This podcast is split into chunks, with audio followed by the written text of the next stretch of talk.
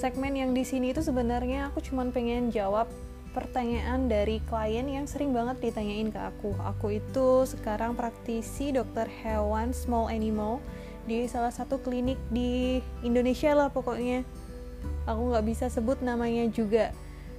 Dan di sini aku akan berusaha untuk jawabin pertanyaan klien-klien aku, jadi biar nggak ada pertanyaan lagi. Dan aku sih niatnya pengennya kayak sebagai jembatan karena hewan kan nggak bisa ngomong ya.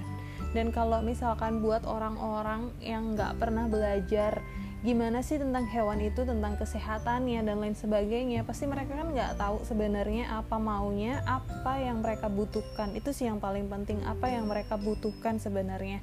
Kalau misalkan mereka dalam kondisi bagaimana apa yang mereka butuhkan kan itu berbeda untuk masing-masingnya.